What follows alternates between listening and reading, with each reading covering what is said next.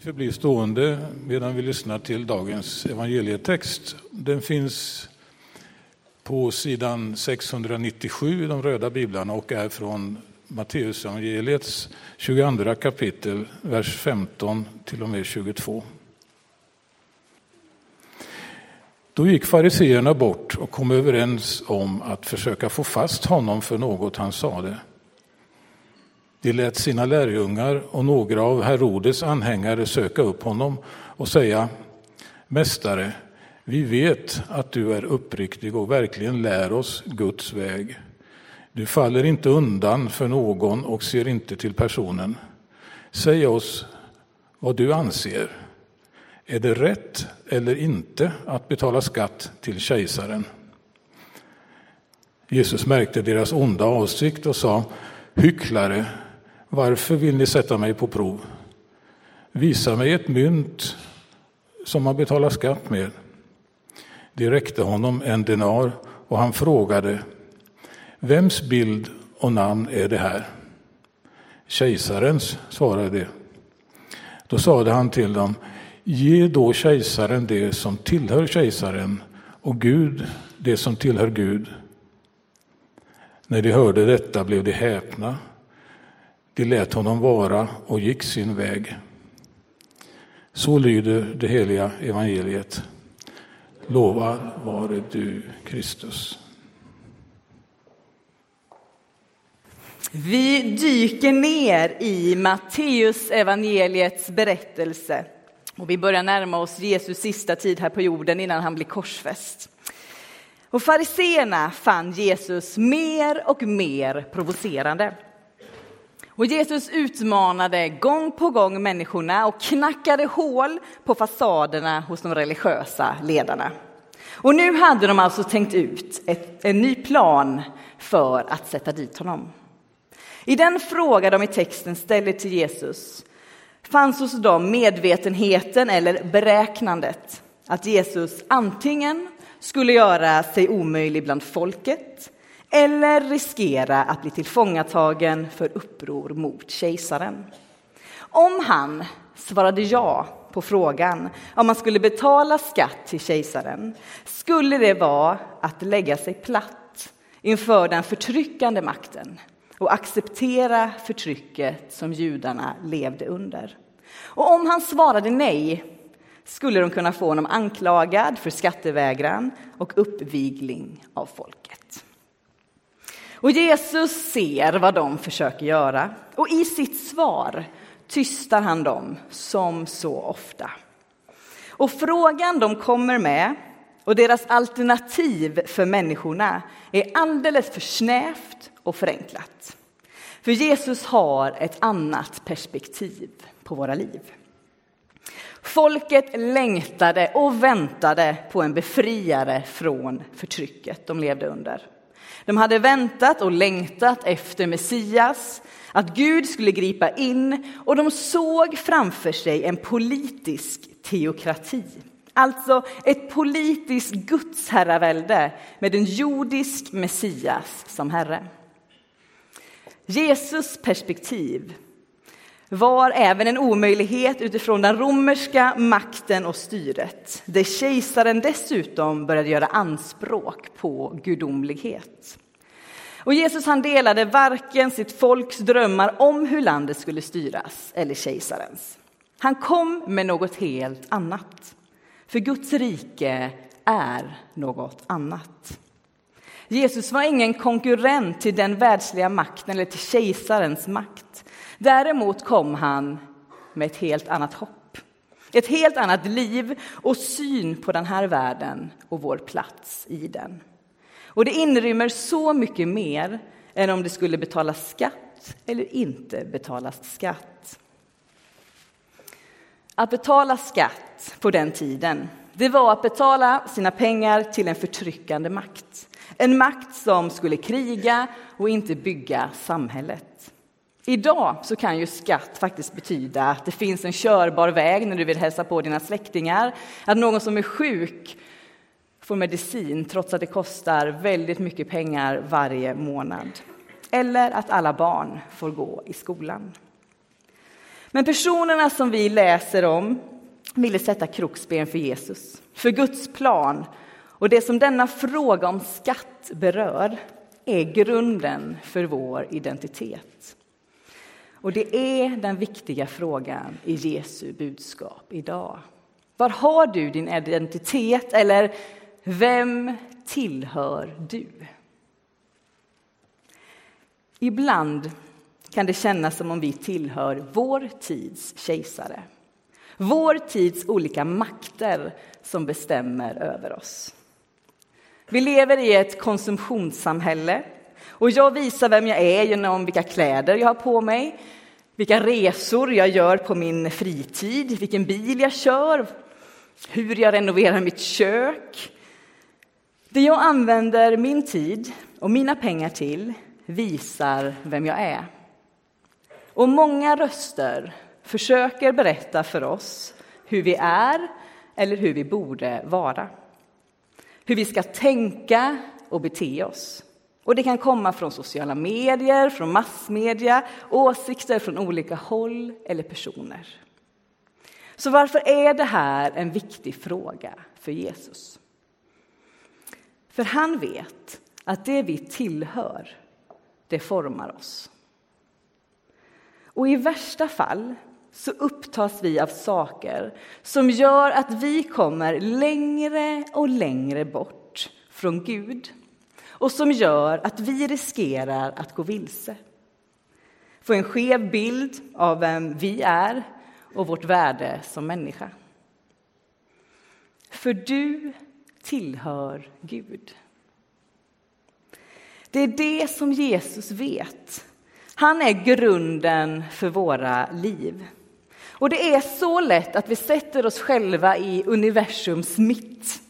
Att vi utgår från oss själva, att så mycket kretsar kring oss och att vi klarar oss på egen hand. Men det gör vi inte. Vi är beroende av Gud och av varandra. Vad svarar då Jesus i texten? Han ber dem att visa honom ett mynt som man betalar skatt med. Och så frågar han vems bild och namn som står på myntet. Vems bild är präglad där på myntet? Jo, kejsarens. Och så svarar han Ge kejsaren det som tillhör kejsaren. Och det är ju på ett sätt ganska så lätt. Men sen då, när han säger och ge Gud det som tillhör Gud. Det kanske inte är lika lätt. Vad är det som tillhör Gud? Du och jag tillhör Gud. För alla människor är skapade till Guds avbild. I våra liv, i ditt liv, finns Guds bild präglad. Alltså tillhör våra liv Gud. Ge Gud det som tillhör Gud. Ge livet åt Gud. Men vad blir följden av detta? Vad innebär det att ge livet åt Gud? Låt oss stanna upp en liten stund vid mina pengar och min tid. För här finns en utmaning. För det Jesus kommer med, försöker berätta för oss är att det är inte ditt och mitt. Det finns inte din tid, min tid. Det finns inte mina pengar, mitt hus, min mat. Jesus vill hjälpa oss att se en större verklighet. Jesus vill påminna oss om Guds verklighet. En verklighet där Gud är den som sätter ramarna. Där Gud säger, du är skapad av mig. Allt mitt är ditt. Allt vad en människa äger och har, har hon fått ta emot av Gud. Gud som är kärlek. Och inte vilken kärlek som helst, utan den självutgivande kärleken. Den kärlek som inte söker sitt, utan ger allt vidare till oss. Det vi får ta emot från Gud, det får vi sedan ge vidare till vår nästa. Människan, du och jag, är verktyg för Guds kärlek.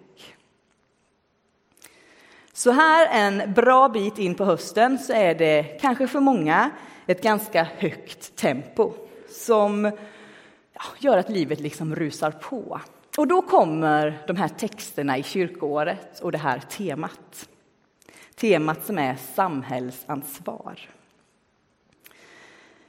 Vi blir påminda om att vi som enskilda kristna och som församling har ansvar för det här samhället som vi lever i och är med och formar. Och I samhället så har vi olika funktioner och roller. Men det som är gemensamt för oss, för alla kristna, det är att vi är med och verkar för upprättelse och försoning. Vi är med och verkar mot orättfärdighet och mot ondska. Och detta sammanfattas med det tema vi alltså har i dagens gudstjänst. Samhällsansvar. Kanske ett lite torrt ord som vid första anblicken, i varje fall för mig, inte gav så där jättemycket inspiration och nyfikenhet. Men med hjälp av vår text som vi har läst och texten som är dagens episteltext ifrån Romarbrevet så väcks jag liksom lite till liv och känner kom igen nu, Elin. Kom igen nu, alla kyrkor runt om. Låt oss inte sitta kvar i kyrkbänkarna, utan låt oss gå ut. Ta vårt ansvar och ge vidare det vi har fått från Gud. Ja, gode Gud, helige Ande, hjälp oss att inte bli för bekväma. Och låt oss få använda den här gudstjänsten till en kraftkälla där vi får fylla på, hitta hem till dig och oss själva och inse hur mycket vi får ta emot och sända oss sen ut till den vardag vi finns i. Läs gärna med i orden från Romarbrevet 13. Ni hittar den på sidan 812. Romarbrevet 13, vers 7 till 10. Prasslar så härligt så jag väntar in till prasslet har lagt sig.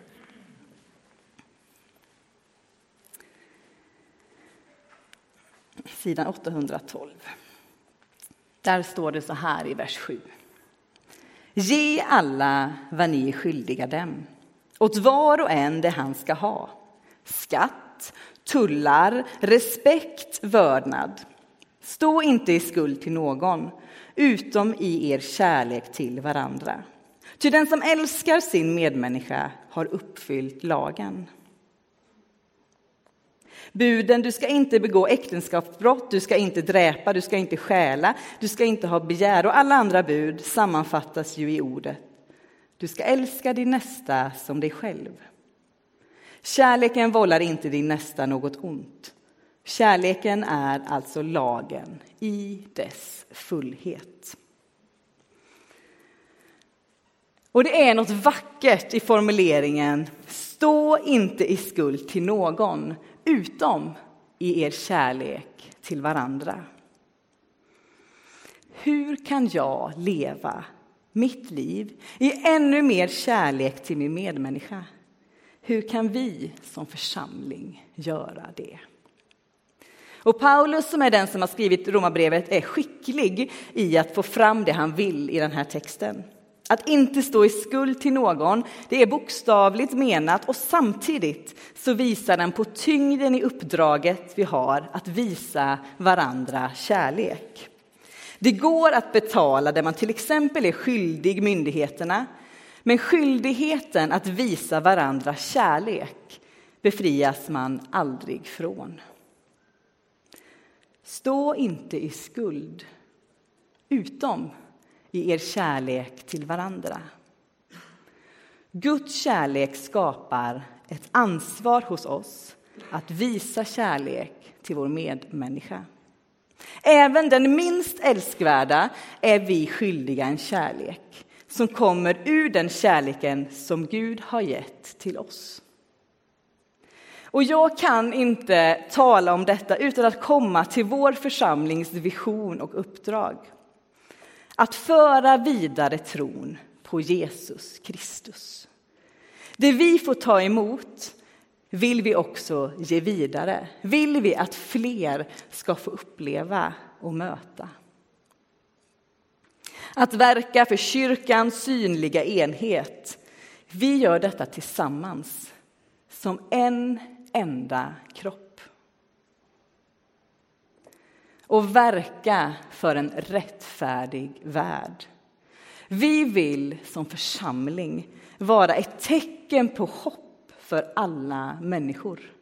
Vi vill vara med och bryta ensamheten hos dem som är ensamma. Vi vill vara en god kraft i vår stad, vi vill vara med och motverka vår stads segregering.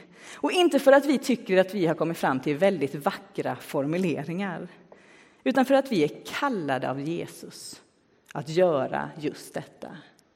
Att ta vårt ansvar, att ge vidare.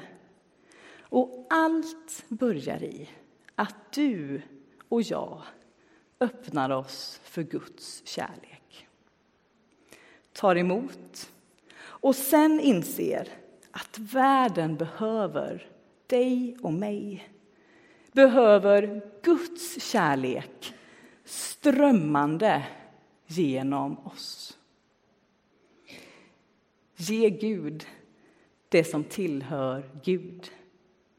Ge Gud ditt liv. Det är ingen uppoffring. Det är en naturlig fortsättning på Guds kärlek. Ibland behöver vi kliva över lite bekvämlighetszoner som vi kanske har. Och de ser olika ut för oss. Vad är ditt hinder? Det som lägger kroksben för dig? Skulle du kunna ta ett litet steg över det hindret och testa vad som händer? Gör det i kärlek. För kärleken vållar inte din nästa något ont. Och det vållar inte heller dig något ont. Varför ska vi vara med och ta ansvar för vårt samhälle? För att Gud älskar världen. I våra liv finns Guds bild präglad. Vi är skapade till Guds avbild. Och vi har fått förmågan att vara delaktiga, ansvarstagande, lojala. Vi är en del av Kristi försoningsverk och sänds genom kyrkan och den helige Ande till världen.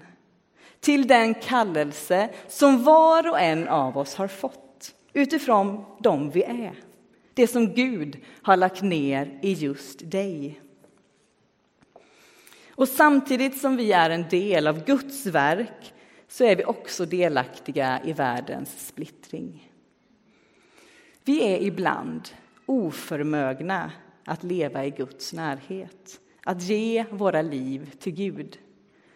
Men i all vår svaghet, med vår egoism och ovisshet, i vår brist på tro, så får vi igen och igen vända oss till Gud. Till Guds nåd, till Guds upprättelse och kärlek. Och på nytt får vi ta emot från Gud och sändas ut och vi sänds tillsammans med varandra. Och idag hade vi glädjen att hälsa två nya medlemmar välkomna. Och det betyder att vi nu är två till som sitter ihop med den här församlingskroppen. Som är med i vårt uppdrag, vårt ansvar för vår nästa. Som avslutning vill jag ta oss tillbaka till texten i Romarbrevet 13. Paulus talar om lagen. Lagen som Israel fick av Gud för att vara världens ljus. Men att lagen inte uppfylldes då, men nu i och med Jesus så uppfylls den. Och i det här stycket i Romarbrevet beskriver Paulus hur lagen uppfylls i den kärlek till medmänniskan som inger omvärldens respekt. Människan som ger vidare Guds ljus och kärlek till världen. Kärleken uppfyller lagen. Den som älskar sin medmänniska har uppfyllt lagen. Och så sammanfattas detta i du ska älska din nästa som dig själv. Och att kärleken inte kan tillfoga nästan något ont.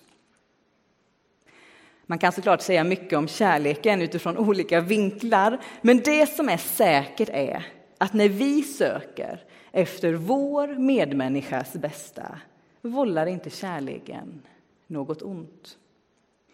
Så låt oss tillsammans vända oss till Jesus och be om att vi ska kunna öppna oss för Guds kärlek. Var och en av oss. Och att vi ska våga ge den vidare. Gå över våra bekvämlighetszoner eller trösklar, oavsett vad de är för några. För vi har fått ett samhällsansvar från Jesus. Världen behöver oss, behöver dig, behöver Guds kärlek strömmande genom dig. Så gode Gud, hjälp oss att ta emot din kärlek så att vi kan ge den vidare. Hjälp oss med det som kan stå i vägen för din kärlek. Det som är våra hinder och kanske rädslor. Hjälp oss att se att din kärlek inte vållar någon något ont. Hjälp oss att låta din kärlek strömma genom oss. Amen.